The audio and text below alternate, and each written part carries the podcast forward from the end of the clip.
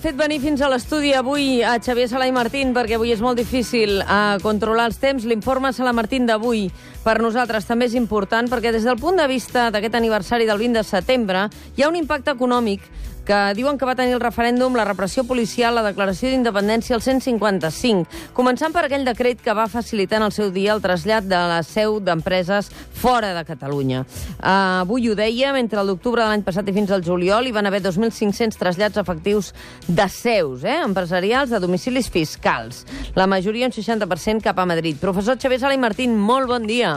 Hola, molt bon dia, com anem? Doncs mira, aquí eh, doncs valorant tot, tot on som, no?, d'un any després, que és un, una mica complicat, no?, perquè hi ha encara moltes coses a molt flor de pell, especialment quan es llegeixen uh, mails, que no sé si, si són d'una minoria, com deia avui Montserrat Comas, però en qualsevol cas fan patir des del punt de vista que tot està en mans de la justícia. Però des del punt de vista econòmic, Xavier Sala i Martín, Tu, eh, la temporada passada, ja vas analitzar aquí eh, la qüestió dels trasllats de seu, però ara teníem, tenim dades que ens dona la mateixa Generalitat.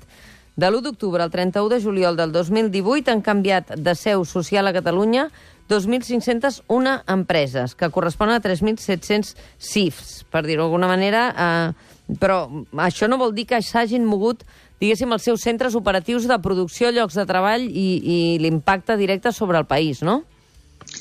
A veure, l'impacte directe sobre el país ha estat nul. Eh? Eh, ja sé que de seguida que va passar van sortir alguns eh, partits polítics i entitats folclòriques a dir-nos que era la gran catàstrofe que s'ensorrava l'economia catalana.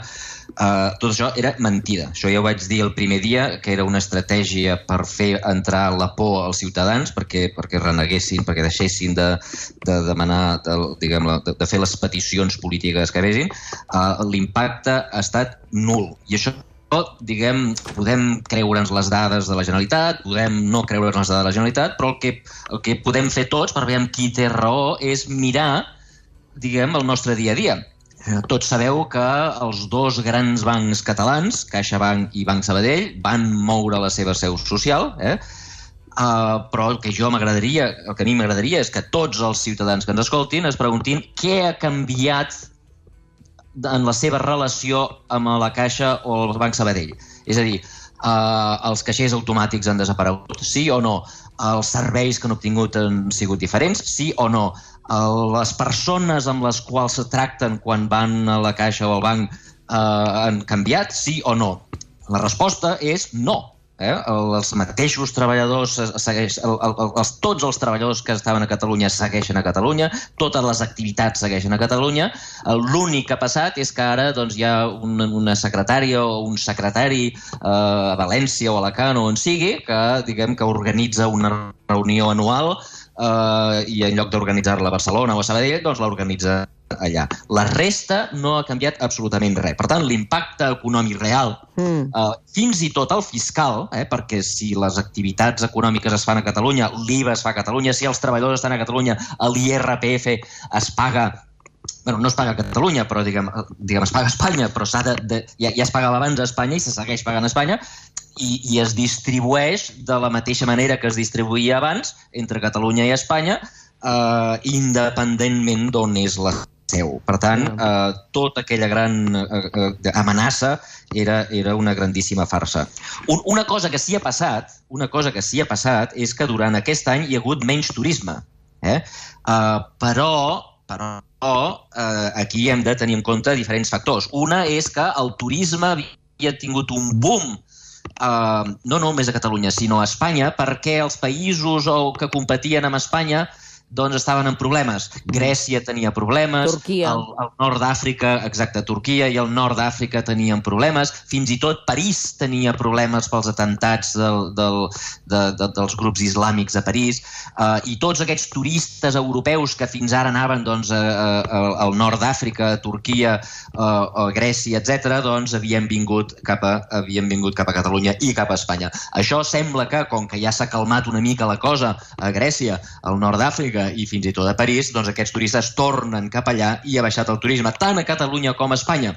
I això s'ha d'afegir, lògicament, el fet de que eh, Barcelona tingués un atemptat eh, eh, un atemptat a l'estiu passat, mm. cosa, que, eh, cosa que segurament també ha contribuït. Mm. Eh, per tant, sí que és cert que el turisme ha baixat, però la resta de l'activitat econòmica eh, doncs ni, ni, no, no, no, no, no se n'ha no ressentit. A veure, quan mirem les dades del PIB a Catalunya, mantenen taxes de creixement superior al 3%. Recordeu que quan estàvem en plena crisi sempre dèiem perquè una economia eh, veiem que recupera hi ha d'haver com a mínim un creixement del 3%. Recordeu quan teníem creixement negatiu, eh?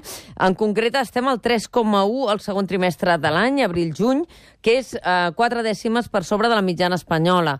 Però, en canvi, Xavier, la gent dels comerços, quan vas a les botigues, quan vas als restaurants, eh, el boca-orella de la gent et diu que el comerç també se n'ha ressentit una mica, que la gent no... Que estem, la gent està més acollonida.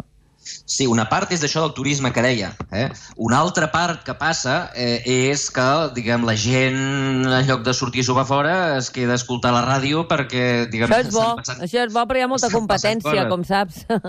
Sí, però els números, els números que, diguem, de, de, de, els números macroeconòmics, diguem, és que el boca-orella no té raó eh, l'economia està creixent més del que creixia a Espanya, molt més del que creixia durant la crisi crisi i molt més del que cal. Recorda, un número que dèiem durant la crisi era que uh, una cosa és créixer, que, que el producte interior brut, que l'activitat econòmica sigui cada vegada més gran, i una altra cosa és crear ocupació. Per crear ocupació, més o menys, l'economia ha de créixer a un ritme superior al 2,5. Uh -huh. 2,5. Si creus, cre, cre, creixes al 2, eh, entre 2 i 2,5, sí que cada vegada hi ha més galetes a l'economia, uh però no es necessiten més treballadors per fer aquestes galetes. En canvi, a partir del 2,5 es crea ocupació. Doncs bé, s'està creant ocupació. I, insisteixo, això, els números eh, diuen que eh, diguem, l'activitat la, econòmica és superior a Catalunya que a Espanya i a Espanya és superior a la Unió Europea. El que sí que és cert és que s'està notant arreu del món, eh, sobretot a Europa, un ralentiment del creixement. Eh? Uh, I això està posant els pèls de punta en els, uh, en, els, en els encarregats de l'economia, sobretot al Banc Central Europeu, peu perquè, diguem, si això fos el principi d'una nova crisi, mm. doncs resulta que no tenen eines, eh? perquè recorda que les eines principals per, eh, per lluitar contra la crisi és baixar els tipus d'interès però resulta que els tipus d'interès són zero. Sí, sí. I, per tant, ara mateix, si vingués una altra crisi, Europa estaria totalment despullada, sense capacitat de lluitar per aquesta crisi. No hi ha una nova crisi, eh? que ningú ja, s'acolloni, ja, ja, ja. eh? no, no, no hi ha una nova crisi. Però és veritat que les taxes de creixement europees eh, i també d'altres països del món, a la Xina, per exemple, eh, no, és que, no és que siguin negatives, no és que anem cap enrere, però mm, no, potser pot estar venint aquí una desacceleració. Uh, encara és d'hora per dir-ho, però uh, compte. A veure... Uh, a tot... Òbviament, això no té res a veure ni amb el procés, ni amb la independència, ni amb res de res de res, malgrat que segur que, que hi hagi desacceleració hi haurà gent que li donarà la culpa mm. al Puigdemont. Eh? Però, diguem, això és un fenomen europeu i gairebé mundial. Uh, tot això ens ho està dient Xavier Sala i Martín i és molt oportú que ho faci després de 10 anys de Lehman Brothers. Uh, atenció, perquè aquests dies hem sentit anàlisi d'una banda i l'altra. Recordem que la sortida i les receptes de la sortida de la crisi econòmica van ser molt diferents als Estats Units de les que han estat a Europa i la prova de les dades és que els Estats Units se'n van sortir més ràpidament. Atenció amb això que sentireu. It's going to be one of the watershed days in financial markets history. It was a manic Monday in the financial market. Lehman Brothers suffering a spectacular downfall. Its stock at one point Esteu situats, eh? Va ser tot un desastre, evidentment, però lliçons apreses, eh, Xavier Sala i Martín, lliçons apreses pels Estats Units mm, i apreses per Europa, que són molt diferents. Sí, a veure, eh, aquí hi ha moltes, moltes, moltes, moltes lliçons. Uh, una d'elles és la que tu et refereixes, és que com es lluita contra la crisi. Uh, hi ha dues teories, una la que diu que quan hi ha crisi doncs, uh, uh, els governs han de tenir dèficits molt grans i aquests dèficits s'han de pagar en èpoques en què les coses van bé, en el qual s'han de tenir superàvits i s'han de tornar els diners que s'han demanat per estats durant els, durant els dèficits. Eh? És a dir, quan l'economia està en crisi, dèficit, quan uh, l'economia va bé, superàvit. Mm. La altra teoria, que és la, i aquesta teoria primera és la, la nord-americana, diguem. La segona teoria és l'europea, la que, la que s'associa amb l'Angela Merkel, que diu austeritat. Eh? Si tens crisi és perquè has fet alguna cosa malament, llavors t'has de fustigar l'esquena i has de tenir dèficit zero immediatament. Uh, bé, uh, l'evidència, si hem après alguna cosa sobre aquest tema, eh?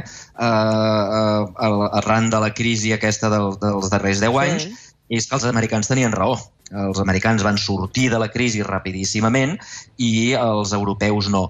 Una altra lliçó que hem après és que això de fer l'euro tan ràpid eh, de, sense tenir mecanismes d'ajuda de les regions d'Europa que estan en crisi quan altres regions no estan en crisi, això que els Estats Units sí que tenen, eh, els Estats mm -hmm. Units són 50 estats, tots tenen la mateixa moneda, però quan hi ha una crisi a Nebraska hi ha uns mecanismes automàtics que sense que ningú se n'adoni agafa diners de Nova York i Califòrnia i els porta cap a Nebraska. Aquí no hi ha aquest mecanisme automàtic, sinó que s'ha de provar i aleshores quan tu vas en els alemanys i en els, els ciutadans alemanys i els ciutadans de Finlàndia i els dius que han de pagar la crisi dels espanyols i dels grecs, els alemanys diuen que no.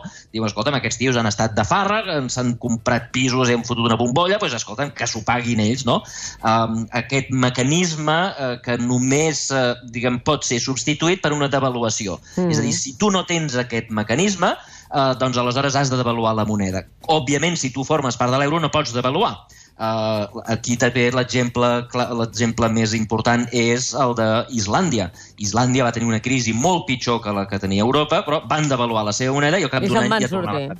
Sí, sí, se'n van sortir. Per tant, per tant vam fer l'euro massa, massa ràpid. Però em deixes, la, la, la lliçó que jo trec de tot això mm. és la que diu un llibre d'un company meu de Colòmbia, que es diu Charles Calomiris, amb un llibre que es diu Fragile by Design, és a dir, de, en espanyol em sembla que es diu De Frágil Diseño, sí. el llibre, uh, que bàsicament diu que la gran lliçó d'aquesta crisi és que tots hem après el poder polític enorme que tenen les entitats financeres, que els països som capaços de deixar que tanquin 10.000 restaurants, 10.000 botiguetes, que això crea milions d'aturats, però som incapaços de deixar que, uh, que faci fallir els bancs han aconseguit que tots ens pensem que són, eh, que són com déus màgics que hem de, hem de salvar passi el que passi, són com una mena de verge Maria que cal protegir. Uh, i per això hem, hem, dilapidat uh, centenars de milers de milions per ajudar els bancs, mentre que hem deixat això, que restaurants, uh, botigues, uh, eh, carnisseries i petits negocis de tot arreu facin fallida, que els, els propietaris s'arruïnin i que els treballadors se'n vagin a l'atur. Que hi hagi bancs... desnonaments per, uh, cada dia, que les hipoteques... Sí, sí. Sí, sí. I els bancs els hem protegit. Llavors, la gran lliçó és aquesta. O sigui, per què el sector financer té aquest poder brutal? Com és que acaben dominant els governs de tot el món i aconsegueixen que se'ls doni calés quan a la resta de l'economia se la deixen pilotes? Per què pensem tots que els bancs són especials? Uh, per què pensem que si un banc de, fa, fa, fa, uh, entra en crisi l'economia s'anirà a Norris? Eh? Tots pensem que això passarà perquè, o la, o la teoria que ens diuen és que si un banc fa fallida desapareixerà el crèdit. Uh, I això potser és veritat, però saps què ha passat? Que hem salvat els bancs i el, i el, i el crèdit també ha desaparegut. Sí, sí. Uh, per tant, uh, aquesta teoria no quadra massa. El, el, la gran lliçó és el poder polític polític dels bancs.